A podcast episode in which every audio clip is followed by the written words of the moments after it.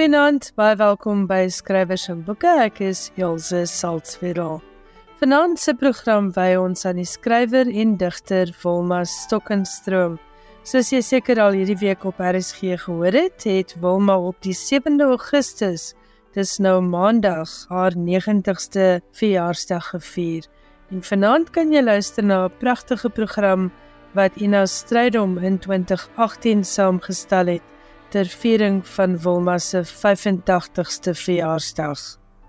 Maar net voordat ons daarna luister, herinner ek jou graag daaraan dat dit volgende week weer tyd is vir Vriende van Afrikaans se koop 'n Afrikaanse boekdag. Dit vind elke jaar op die 14de Augustus plaas en is tradisionele dag waarop boekwinkels afslag gee op Afrikaanse boeke.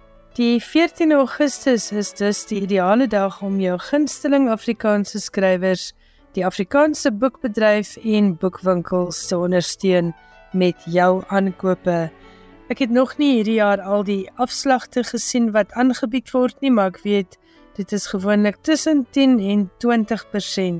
So hou gerus jou gunsteling boekwinkels se sosiale media dop om meer uit te vind oor vanjaar se spesiale aanbiedings.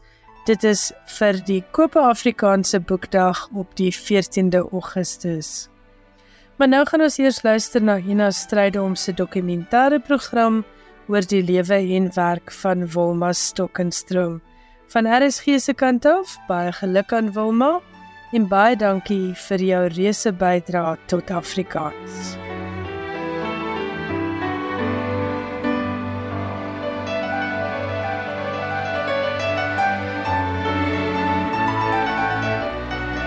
RSG skatkis bied aan ver van die vergetelheid. Uldigingsprogram oor die lewe en werk van Wilma Stokkenstroom.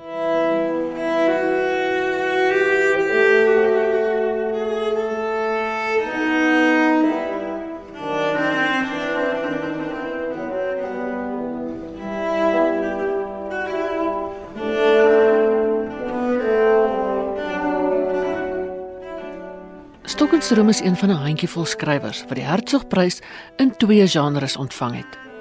In 1977 vir poesie vir die bundel van vergeetlikheid en van glans en in 1992 vir die roman Abjater wat so lag. Uit die skatkis van die SAIK se klankargief kom dele van 'n onderhoud wat in Augustus 1977 met Stokkenstroom gevoer is. Ek is in 1933 gebore op Napier waar ek my skoolopleiding gehad het.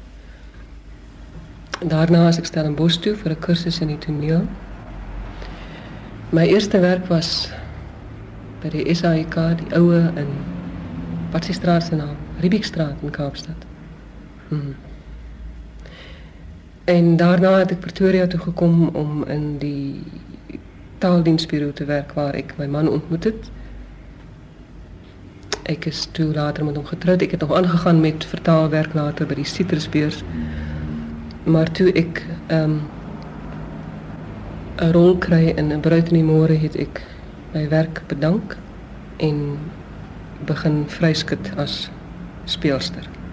Ek het begin met toneelstukke. Met Trippense Patata en toe later laaste middag maar een of twee een bedrywe geskryf. En ehm uh, nou ja, ek het gevind daar is nie eintlik 'n klankbord nie.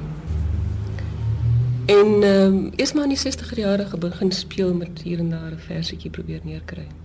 Wilma Stokenstroom se debuutbundel verskyn in 1970, grootliks deur die toedoen van die destydse uitgewer Wilhelm Grutter. Ja, ek het 'n paar gediggies in die tydskrifie Wurm gepubliseer. Onder andere ook 'n een bedryf en die eksemplaar aan hom gepos ter wille van die een bedryf. Toe sien hy die gedigte raak en besluit om um, digbundel van my uit te gee want hy pas met sy reiger begin. Ek het so 6 of 7 gehad, miskien 12, miskien was dit meer. En ehm um, was eintlik 'n groot grap, ja. hy het uh, gesê nou maar goed, dan publiseer, publiseer ons 12 gedigte en uh, ons gee dit in groot druk uit. En toe sê ek dan maar goed en dan noem ons dit vir die bysiende leser en dis waar die titel van die bundel vandaan gekom het.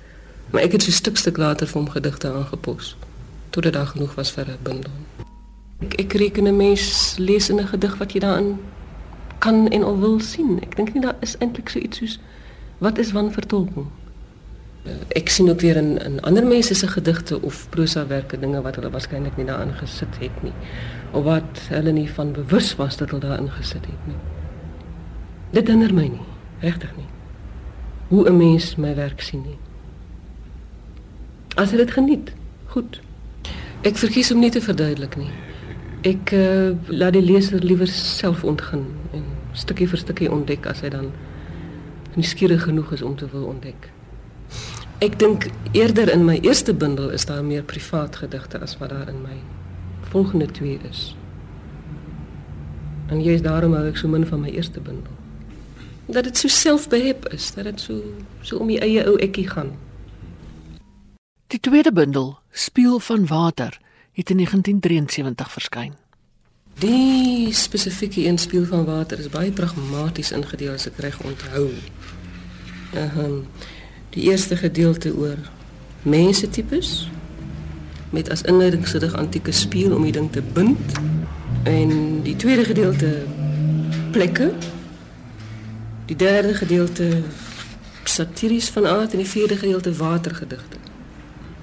Ek het spieël van water hierdie een so gedoop omdat dit al is wat ek kon kry wat die hele klomp bind in een titel. Naamlik dit is 'n spieël van sekere gebeure van mense en plekke ensovoorts. En daar is ook 'n sterk onderstroming van die idee van water in baie van die gedigte. En in een van hulle, uh, ek dink is die pan, praat ek ook van spieël van water. Wat my betref, 'n ding wat dan wat ek reken is swak, irriteer my, dit hinder my. En waar ek die kans kry, sal ek dit verbeter.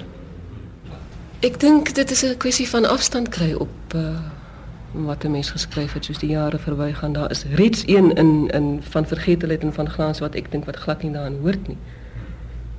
Wat ek baie graag sou wou skrap. Maar is te laat. Die kans is my wel gegeen met die tweede druk van Spieël van Water toe het ek 'n paar gedigte hier en daar kon verbeter. Ek sien nie die skrywer as 'n groot revolusionêr nie. Ek dink jy kan jy, jy kan help om 'n atmosfeer, 'n algemene uitkyk op sake te help verander, klimaat te help verander, geestelike klimaat maar. Nee, die skrywer is nie so groot held nie. Ek sien hom eerder as 'n nar ek het in gedagte eintlik Kim Lee se voel wat ehm um, te alle tye gesê het wat hy dink wat 'n metafore gepraat het spreuke maar nogtans sy sê gesê het. En wat aan die mens leer trou gebly het nie aan die of daardie regering nie.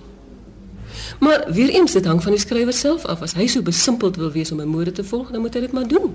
Ek het vrede daarmee. Ek probeer dit om dit nie te doen nie ek dink dit is 'n keuse wat aan die skrywer self oorgelaat moet word. Daar is die wat op die persoonlike vlak die pragtigste liefdesverse en dinge skrywe.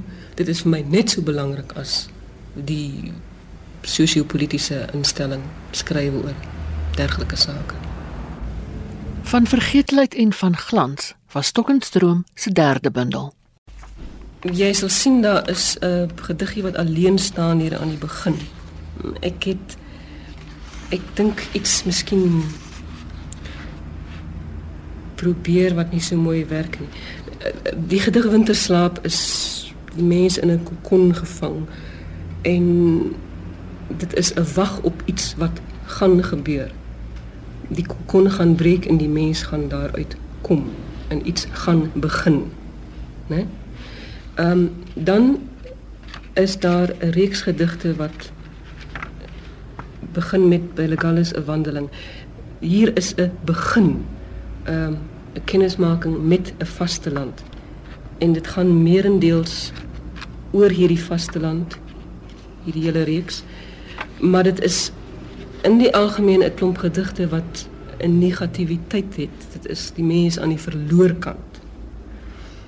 Dit eindig met vlug en aankoms waar die mens weer in 'n soort kokon gevang is, die keer die um, die ruimteskip en is 'n vertrek na 'n volgende begin. In die middel het ek toe gesit die glanspreeu bekentenis, dis 'n gedig wat na albei kante spring. Na die negatiewe en na die positiewe. En die gedeelte wat volg op glanspreeu bekentenis is dan die die vreugdekant van die mens, die mens aan die die pluskant. En dit begin ook weer met 'n landskap, maar hierdie keer is dit 'n 'n towerlandskap wat nie eintlik bestaan nie, Gondwana. En hier is heel wat sou ek sê 'n towery gedigte, volstruiseier byvoorbeeld of mitiese gedigte of hoe jy dit ook al noem. Eh gedigte wat suiwer oor vreugde gaan, willikheidjie piering byvoorbeeld. En ook ehm um, eindig dit dan weer met die mens weer verder in die ruimte in. Miskien ander kan die dood. Hoe sou ek dit probeer indeel? Ek lees selde poesie. Daar word deesdae daarom al die invloed van bloem in my werk raak gesien en daar wil ek die mense gelyk gee. Nie dat dit is nie dat ek so seer dikwels bloem lees nie. Maar ehm um, kyk, sowel bloem as my man was immigrante wat hulle met hierdie land vereenselwig het. En albei het 'n breë Europese humanistiese opvoeding gehad. En ek dink dit is miskien eerder uh, my man se invloed op my siening van sake as bloemsin. Maar dit stem ooreen want dit kom uit dieselfde wêreldbeeld uit. Ek self hou van die van die van die min goed wat ek lees hou ek self die meeste van ek dink maar NP van Wyklou en byname Tristia. Maar ek ek glo nie daar is enige invloed van van Wyklou te bespeer in my werk nie. Ek lees by uitstek graag romans en ek lees ek het 'n katolieke smaak. Ek lees alles wat na my kant toe kom. Die skryfster se woonstel in Pretoria is propvol boekrakke. Die woonstel is op die eerste verdieping van 'n besige straathoek met lawaaierige stadsverkeer in die agtergrond. Ek sit nie in 'n stad nie, Johan, ek sit in 'n halfdorp, halfstad. Ek sou waarskynlik anders gereageer het as ek in 'n stad gewoon het. Maar daar is ek sê nie nee, ek sou nooit weer op die platteland kon gaan woon permanent nie. Dit sou ek nie kon nie. Ek het die kontak nodig om na hulle te kyk en waar te neem. Maar ek is nie 'n ou met 'n groot vriendekring. Ek dink werklik 'n skrywer moet net eenvoudig self besluit wat hy die beste kan skryf, die beste kan uitdruk. En byvoorbeeld as Karel Skooman geskryf het by Fakkellig, 'n roman wat in Ierland afspeel, dan het hy vir my in daardie roman net soveel gesê as wat hy hy sou kon gesê het as hy dit in Suid-Afrika geplaas het. Ek was maar nog vir baie kort tydperke in die buiteland en ek dink dit het nog net in een of twee gediggies uitgekristalliseer. Oorgens ken ek maar net Afrika en spesifiek Suider-Afrika. Ek wil nie so beperkend uh, uh, ingestel wees op letterkunde nie dat dit nou uitsluitlik net om Suid-Afrika moet gaan nie. Ek uh, ek weet dat veral hierdie bundel word beskou as 'n betrokke bundel. Dit was miskien bewus betrokke in die opsig dat ek ehm um, skaars begin vang het in die beheptheid met ander mitologieë. En net gedink het my magtig, maar ons het mos self ook iets wat die moeite werd is. Ja, dit het miskien daartoe bygedra dat ek spesifiek baie oor Suider-Afrika geskryf het. Walms niks. En ons het gemeen die voorvaders sal met hulle grondmonde met ons praat rookwoorde vir die onvolkome tolke. Die klipskeure buite bereik van die dag se goudlig was ou vrou splette, dooie ingange, verskrompeld agter vye boomwortels se lykwit greep. Die slote vertrek van pyn, die knersvlaktes, die brulsand het sil gebly en gehoed. En die stemme van ons voorgeslag het dieper in die grond se maag gesak. Van vlammende uitroepe was daar geen sprake meer. Net 'n wind van buite die wêreld het om en om Mapungubwe gewaai en Ferreira's dorp se sinkdakke geruk soos iemand wat iemand aan die elmboog trek. En die graskraag om die mynhope het styf en regop gespring soos die maanhaar van 'n betrapte dier. En ver oor die sand loop die jakkals se netjies se spoor. Walms. slegs walms. Waar daar tog 'n gemompel moet wees binnensmonds en vonkende krete gevang in gespikkelde periet asof vuur die asem van die gees van die grond versteend lê en glim van geheime taal metaaltaal solied onderaards skoon en onverhandelbaar die drif die vuurspraak van ons voorvaders. Net wind net niks nog van onder stad en voorstad se opgedamde ligte en nog van agter spookdorp dekors nêrens praat die stomme aarde meer sy kode vir die onontvanklikes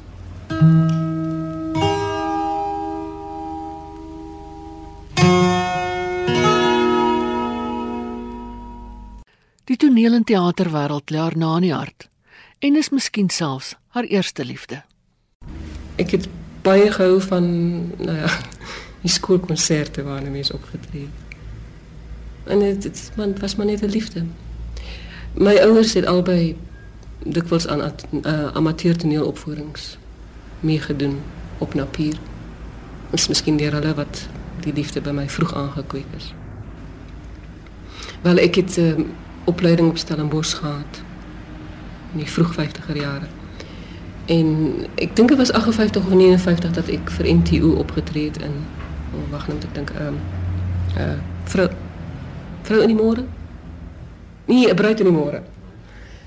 En en ehm um, in the chairs.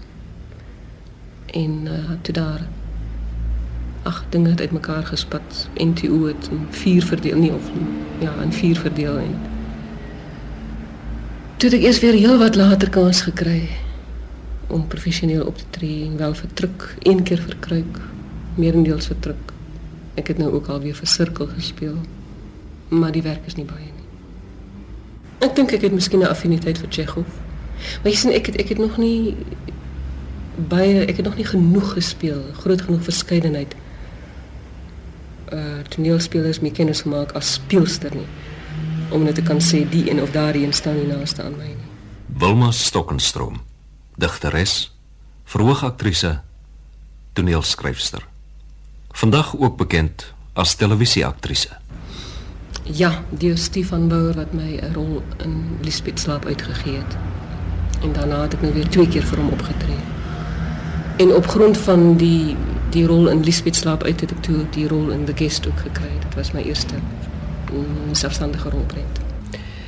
Ek het letterlik begin skryf uit frustrasie weens gebrek aan ehm uh, toneelfilmgeleenthede. En Nou ja, ek het nou begin hou daarvan en ek sal nou maar seker aangaan daarmee.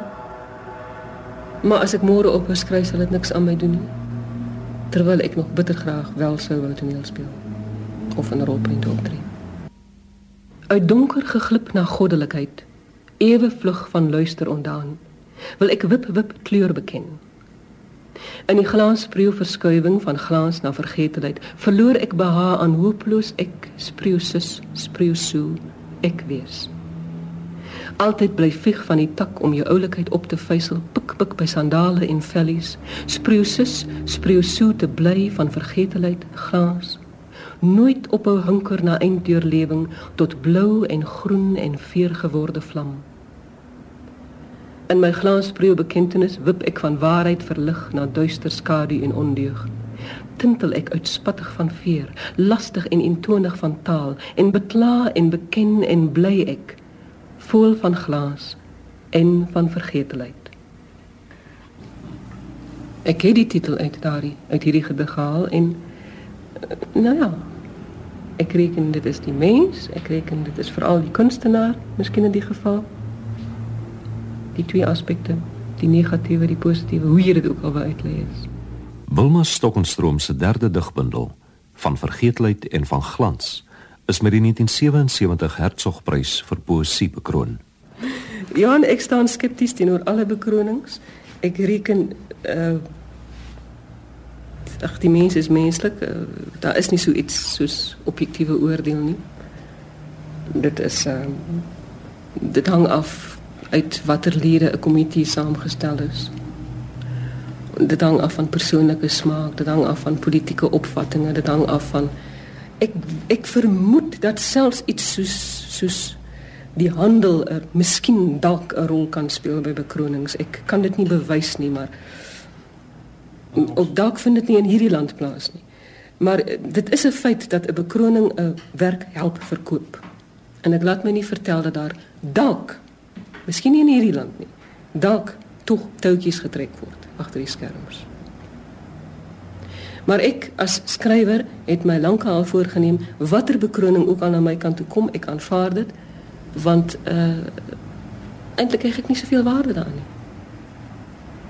Dit is nie vir my 'n nie selfs nie eens dit nie. Ek ek ek is nie 'n welaf mens nie, maar ek kan sonder daardie geld klaarkom.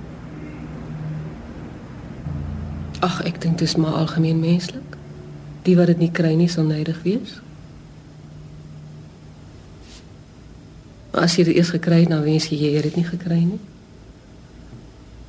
Ag, eh, die publisiteit.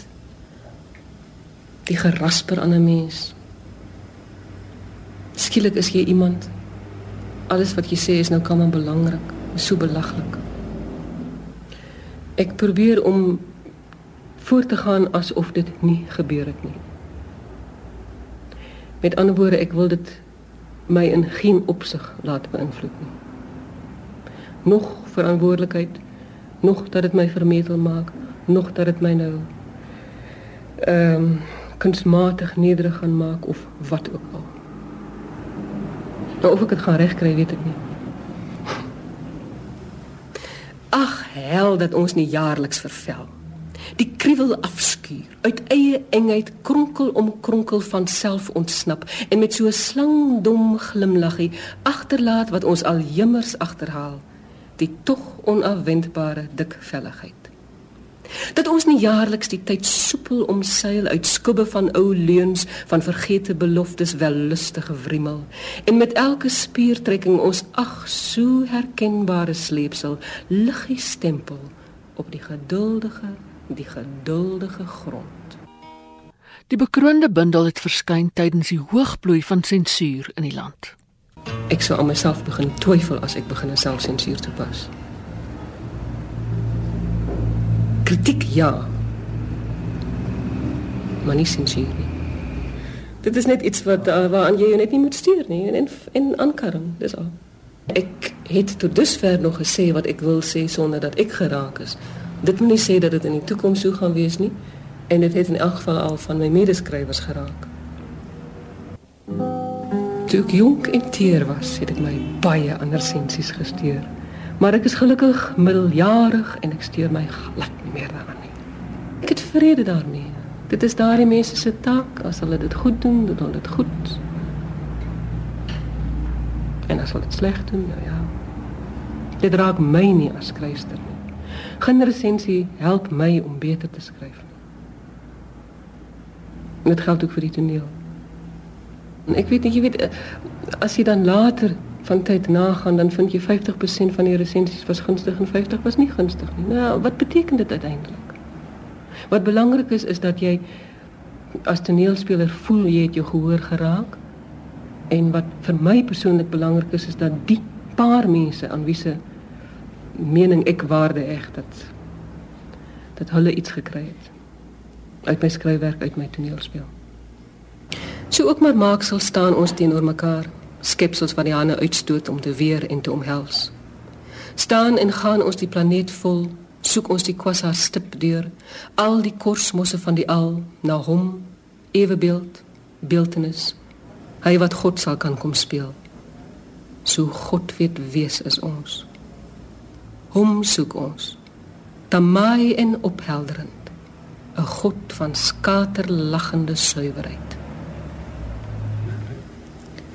Ek het 'n klomp jare gelede ingeskryf vir 'n kompetisie wat uitgeskryf is deur ek kan nie die naam onthou nie op my skande. Dis 'n Kaapse groep wat wil beywer het vir die bevordering van die toneel en 'n deel van die prys sou wees 'n week se opvoering in die ruimte van die stuk. En op grond daarvan het ek dit ingeskryf en het die prys toegedeel met Shira Roberts. En uiteindelik het ons ons stukke opgevoer gekry in die ruimte. Maar 'n ander toneelstuk het die eerste professionele opvoering belewe onder regie van Limpie Beson. Dis reg, dit is Tripense Patata. Nou, die stuk het ek hier in die vroeg 60er jare geskryf. En spesifiek vir 'n uh, 'n geselskap wat uit ek dink dit was sewe mans, drie vroue. Dit was die samestelling van die heel eerste drukgeselskap waarvan Limpie lid was. Nou ek het dit vir sewe mans, drie vroue geskryf. Ek dink dit was so. En nou goed, ek is speler, ek het toe my stuk voorgelê aan my speler vriende, soos Kobus, Kobus Rousseau, soos Leonora Nel, soos Limpie en so meer. Hulle het daarvan gehou. Maar toe voordat enigiets daaromtrent gedoen kon word, toe splits die geselskap in 'n klompie van hulle trek Kaap toe, onder andere Limpie. En hy besluit toe om dit aan Kruik voor te lê. So dit gekom dat dit toe uiteindelik deur Kruik opgevoer is onder regie van Limpie. Dit ek ek het dit heeltemal as as 'n magiese tipe ding gesien dat dit 'n patat is wat aanhoudend groei en uiteindelik die hele lewe oorheers. Dat dit die probleem is wat nooit verdwyn nie. Ek weet wel dat daar toe na aanleiding van 'n resensie in die burger 'n um, 'n briefwisseling, ten minste briewe geskryf is aan die burger. En dat ses mense daarvan gehou en ses nie. Kyk, die hele ding hang daarmee saam dat ek as 'n tipe sprokie geskryf het met 'n agneming van die gekunsteldhede waarmee mens kan werk in 'n sprokie. En ook met 'n agneming van die gekunsteldheid van die toneel as medium. Ehm um, die die bruin vrou is die moederfiguur. Daar is 'n sy het 'n teenpool die lijksvrou, die een wat die, vir die lewe staan en die ander wat vir die dood staan. En uh, nou ja, ek meen as jy dit realisties gaan beskou dan werk dit miskien nie. Maar ek dink dit wel dit werk wel soos ek dit geskryf het. Jy het 'n toneelstuk geskryf en nooit lus gevoel om 'n draaiboek te skryf nie. Maar ek het daar lê uitdraai. Dit was 'n draaiboek. Dit was eers 'n uh, een bedryf en as een bedryf het dit glad nie gewerk nie. En toe verander ek dit in 'n draaiboek. En dis dit maar die ou verhaal van ek kon dit nie verkoop kry nie. En ag nee, toe maak ek maar 'n roman daarvan.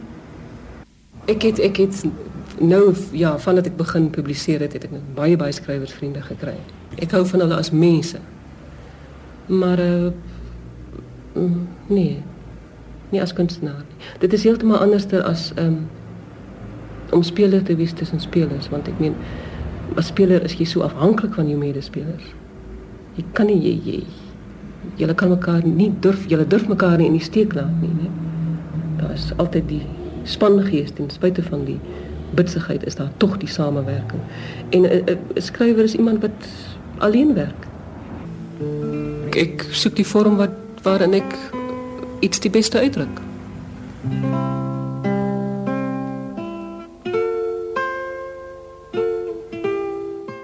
Die roman Apiater wat so lag in 1992 met die Hertzogprys bekroon is, het Stokkenstroom vir die Afrikaanse radiodiens 'n stukkie daaruit voorgeles. Want dit was aan toe ek die laaste keer sy kamer binne gegaan het. En dit was nag en dit was vroeg vroeg die volgende môre dat ek sy oë toegedruk het. En met 'n narigheid op my maag onthou ek hoe ek gehuiwer het om dit te doen. Lank het ek onthou ek in sy oë staan en kyk. Daar was niks. Ek weet nie maar daar was niks so te onthou. Ek wou seker maak dat sy gees ontsnap het. En soos ek nou party daai hier so met my hande in my skoot sit, is dit vir my asof daar weinig verskil is tussen wat ek sien en wat ek nie sien wanneer ek my oë toemaak nie of die prentjie van die kamer en die prentjie te my ooglede ewe onbondelig is. Of die lewe hier in my huis en die lewe op straat ewe slepend is. Kind en sy hond stap verby en ek hoor 'n motorkar. En in die ou kerkhof staan die denne op wag, maar hulle kan ook niks keer nie. En is maar net prentjies. Ek luister hoe die wind deur die skreewe suis en ek voel tam.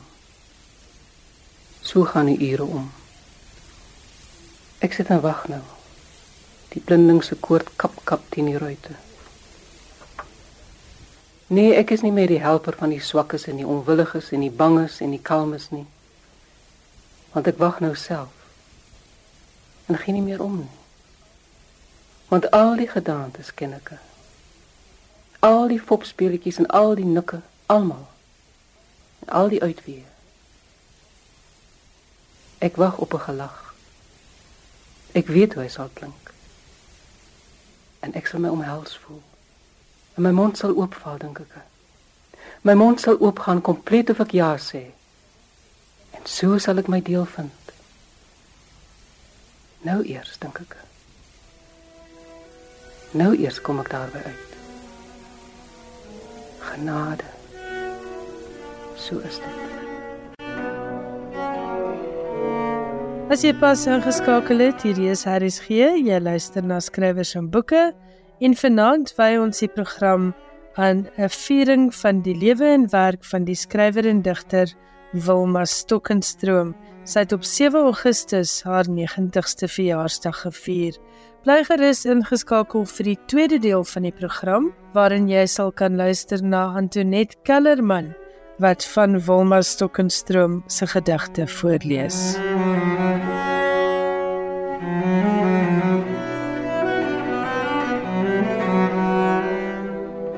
In die tweede deel van die program lees Antoinette Kellerman gedigte voor uit Van Vergetelheid en van Glans en ten slotte ook uit Abjater wat so lag. Albei die boeke het by Iman en Rousseau verskyn, 'n druknaam van NB Uitgewers by Legalis 'n wandeling. Teen son en skuim loop ek my vas, 'n ruwe ontmoeting, my loop met wind en see. Stryk ek aan oor skulpiesand, ek hoor dit guts, sluk in klein borrel.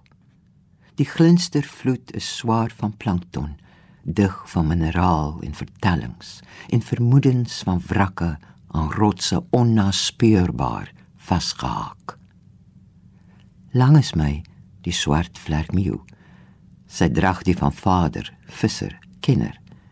Sy oog op my op hierdie sif sagte grens tussen sand en plant waar ek gespleet toon, hy geweb gaan en ek strandrosies bestryk en hy hup die moetswil van 'n golf ontwyk. Steeds die oog op my, my kameraad. Hy styg op aan toe. Hy laat my agter met geen verweer teen sy afsydigheid so skielik betoon.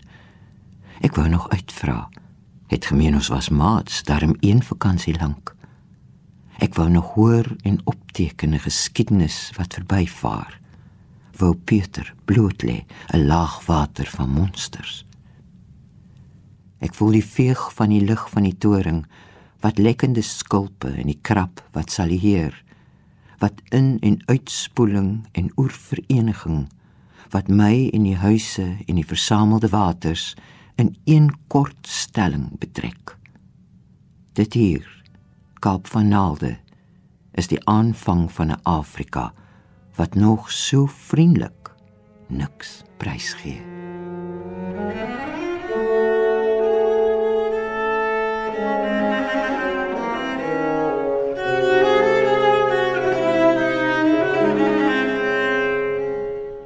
Die skedel lag al huil die gesig. Eendag sal ek, weet ek, die dood met lagende skedel trotseer. Minstens my sin vir humor sal ek behou. Maar of ek soos oorlee mevrou Ples en soos die blou bok van my geboorteland ook 'n glaskas in 'n museum sal haal. 'n Seldsame dier is die mens nou nie juis. Hoe slim tog is ons met ons innerlike uurwerk vernuf. Hoe sterk die groot swaaiende huiskraangebare waarmee ons wolkekrabbers reghoekig neerplak in woon- en sakekomplekse. Merkwaardig ons grabbelende navorsing dwars deur dolomiet om ons arms diep so skagte te sink en die grys erts te gryp en op te trek, te vergruis en te veredel tot staaf op staaf korfagtige gepakte kluise van belegging. Ah ja. Wonderbaarlik ons vermoë om weggooi sand tot vuurstof te verryk. Wat as ons wou alles onherhaalbaar in allerlaaste oplaaiing woes skoon kan laat ontbrand. Ek sê mos die skedel lag Al huil en huil die gesig.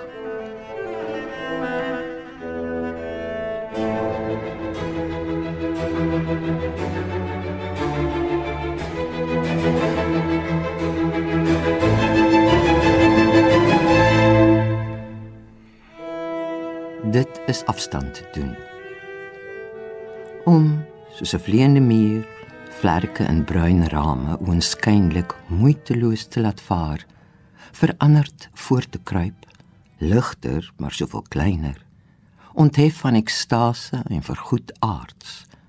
Dit is afstand doen. Dit is voortaan gelykloop en nooit meer opwaarts na lig. Verheerlikte heerlikheid van lig nooit meer te streef of selfs te soebat om lig.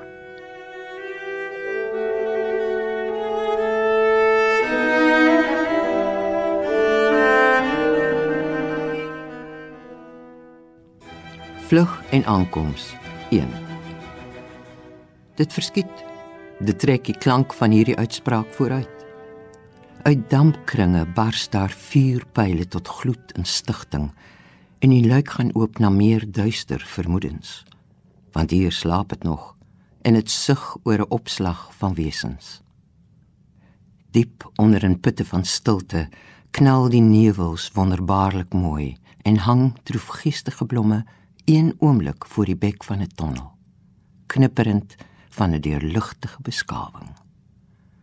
Ver en verder tuimel planeet en maan gekolk in diepte en leemte en tot wentelbaan om baan kring dit groter in die boog van die al en die niet.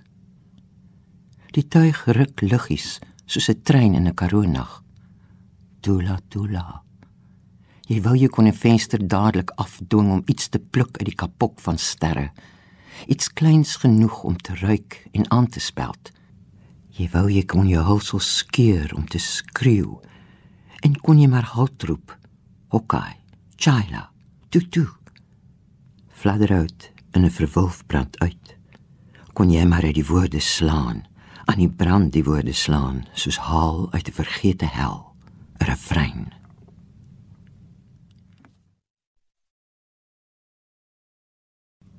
Twee. Dit is genoeg om te geleef het, eenmaal eenmal in die maligheid van kromosome wel te bestaan het van kroon tot toon. Genoeg om te gelewe het, vol ontsluit. Ook net eenmal. Genoeg om dalk vreedsaam in 'n stille bemoeiing met die eenmaligheid van doodgaan dalk te kan dink. Ek was eenmal. Eenmal was ek 'n mens.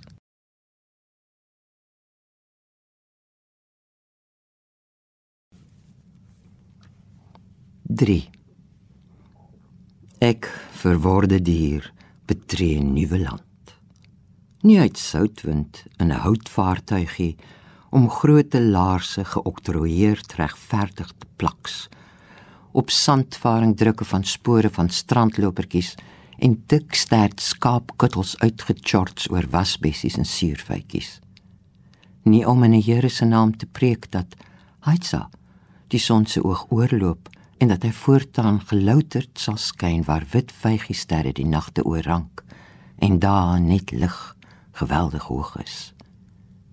Nie om met rykie na rykie watente wit vrugbeginsels oor veld bevrug met bloed en defakwane woesen leegheid te trek, te ploeg, te saai dat eendag die kappies fleurig sal knik in 'n eie knusse bedding en nie 'n burgslak van spoelgoud te vind en kapitaal met kampongkrag in die diepste skagte te sink dat ratte van die ekonomie dol draai en sekeringe uitbrand kapoef in die dream factory.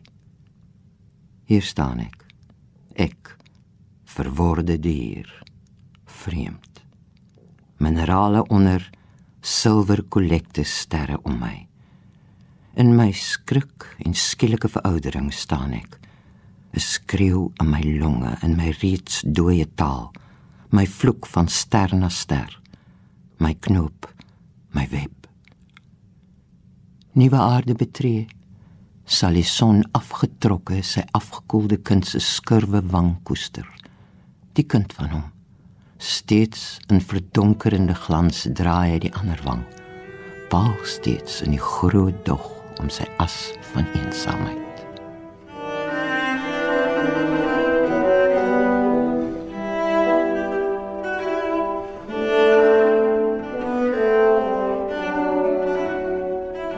met my wysvingertop. Hoe graag sou ek die ligtheid van jou ervaar van die glo. Woord nog koel weerstand bied. Ophou wanneer ophou moet en taan. Flikker selfs en selfs miskien vir ou laas Erik stol tot waspop lyk. My asem sien sigbaar vonk en dwarrelend verskiet. Miljarde kodepuntjies, 'n nevelster. Lig nog duister en digter word dalk. Hoe graag sou ek die vinger wou verhef met een die lug skeur en brandend lag in die lig van verlore sonne en maane. Skimmel al en droë wentelings van planete vergeet, verlaat.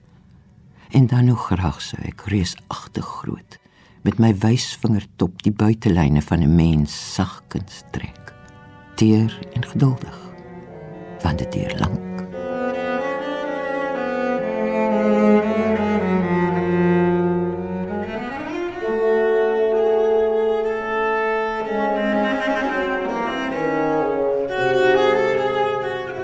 Abiater wat so lag.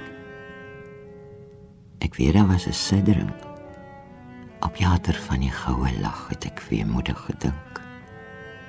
Abiater die man van heerlike selfvertroue, gewond in die Abessynse woestyny en in 'n dop van 'n mens verander toe hy na sy plaas teruggebring is. Waar hy stadig aan aangesterk het. En toe jare later op 'n dag moes vasstel dat alles nes tevore aangegaan het en dat dit nie hy was wat iets onthou het. Miskien, so dink ek, dat sy stuurse tweelingseuns die boerdery uitstekend kon bestuur, moes hy agterkom sonder raad en daad en dat sy dogter wat vroeg moes trou, gelyk het of sy gelukkig was met die man wat haar op die paal gesit het. En nou het hulle al twee kindertjies en gaan mooi aan. En dat sy ander dogters hulle studies vlytig voortsit en vir vakansies mater saambring. En dit drink kink en dit gaan altyd jolig of hy nou daar is of nie. En waarom daar wees? Dat hy nie nog was soos hy altyd was en gewag het dat hy weer gesond word van die buikwond. Van 'n geestelike letsel, soos hy vermoed het dat alles vlot sy gang gaan soos voor hy aangesluit het en kamp toe is. Niks het verander nie. Dit moes hy gemerk het. En as hy so gesneuwel het of weggebly het met 'n nomie ervaring wat hy nie wou deel nie, of niks dan ook sou verander het, moes hy gewonder het. En waarvoor het hy dan teruggekom na sy plek op die plaas? Sy plek op die ledekant. En waarvoor was hy op jater? en nou net 'n oorlas.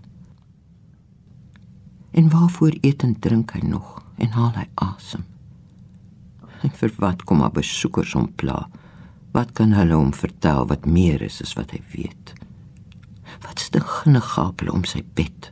En vir wat lol hulle met grappies maak en presentjies aandra as hy sonder twyfel ook maar kon gesneuwel het en alles sou sy dooie gang gegaan het? waar hy die blink mens was, die wonderlike eggenoot en vader en leier in die samelewing, die gesellige man met die aansteeklike lag van geluk was, wat soos 'n goue lig gesluit het om hulle wat gesnap het dat hy nie oor iets lag nie, maar van saligheid so lag.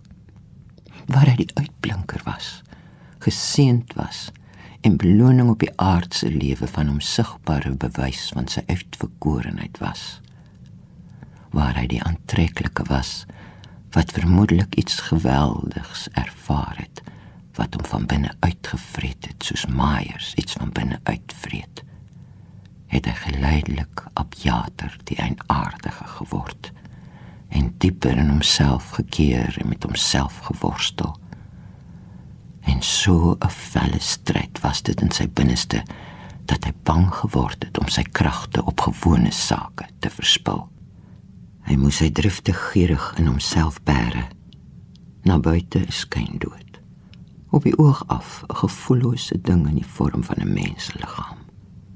Na buite kil. Van binne 'n helle stryd wat hom verteer het en die lig uit sy oë gehaal het. Want Abiater moes agterkom hoekom Abiater nie Abiater hoef te wees nie. En hoekom die glorie wat Abiater was en wat hom altoos as vanselfsprekend aanvaar het, kon uitdoof sonder dat ook maar die geringste verandering in die lewe om hom plaasvind. En hoekom Rini liefderyk kon glimlag of hy nou op Jater verwekker of op Jater die gekwelde bedleende was. Vir homself moes hy vind. En dieper in sy gees in het hy geskuil en leweloos geraak vasgeval in 'n diepte van ellende. Ag, ek weet ook nie. En ek met my gebalknisse donkie. Ek het 'n gelag uit sy siel gerem wat alles tot niet gemaak het. Ek het die affære beëindig met die betalje van my singery. Of ek het dit verhaas. Of ek het met die naam van die Here gedood wat daar in die gang was. Of ek het verlos. Ek weet nie. Ek weet nie. Ek voel baie moeg en ek wens net die gemaal in my kop kon ophou. Of ek het 'n vrugbare gepeins stop gesit of ek het 'n lag ontketen en dit het die bose vernietig en twyfel met die berusting van insig vervang. Maar nou sit ek met die gemaal. Elke dag voel ek hoe ek minder en minder in die dood om my belangstel. En ek skryf dit aan my vermoeidheid en aan die ouderdom toe. Maar in my hart is ek vol kwellinge en verlang ek. Ek verlang na Abjater. Ek verlang na die groot gulheid van sy wese. En in die naargeestige aande word die gemis vir my nog erger. Want dit was aand toe ek die laaste keer sy kamer binne gegaan het. En dit was nag en dit was vroeg vroeg die volgende môre dat ek sy oë toegedruk het. En met 'n narigheid op my maag onthou ek hoe ek gehuiwer het om dit te doen. Lank het ek onthou ek in sy oë staan en kyk. Daar was niks. Ek weet nie, maar daar was niks. So het ek onthou. Ek wou seker maak dat sy gees ontsnap het. En soos ek nou party dae hier so met my hande in my skoot sit, is dit vir my asof daar weinig verskil is tussen wat ek sien en wat ek nie sien wanneer ek my oë toemaak nie. Of die prentjie van die kamer en die prentjie teen my ooglede ewe onbenullig is. Of die lewe hier in my huis en die lewe op straat ewe slepend is. Ek kan dit so ontstap verby. En ek hoor 'n motorkar. En in die ou kerkhof staan die denne op wag. Maar hulle kan ook niks keer nie en is maar net prentjies. Ek luister die wind deur die skrewe suis en ek voel tam. So gaan die ere om. Ek sit en wag nou. Die blending se koord kap kap teen die ruite. Nee, Ek is nie meer die helper van die swakkes en die onwilliges en die banges en die kalmes nie. Want ek wag nou self en geen nie meer om nie. Want al die gedaantes ken ek. Al die opspelletjies en al die nikke, almal en al die uitweë. Ek wag op 'n gelag. Ek weet hoe hy sal klink en ek sal my omhels voel en my mond sal oopval dink ek. My mond sal oopgaan kompleet of ek ja sê. En so sal ek my deel vind. Nou eers, dink ek. Nou eers kom ek daarby uit. Genade. So is dit. Dit was Antoinette Kellerman en sy het voorgeles uit van vergetelheid en van glans en uit Abiater wat so lag. Wilma Stokkenstroom word steeds bestempel as een van die belangrikste stemme sedert die 60ers.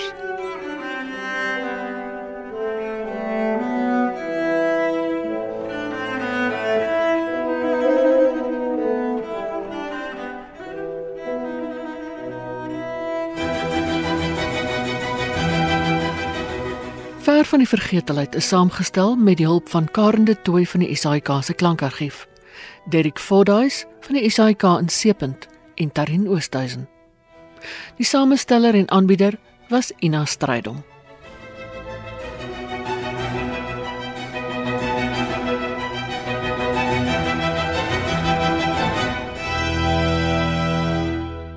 Hierdie produksie is geskep in opdrag van RSG vir die RSG skatkis.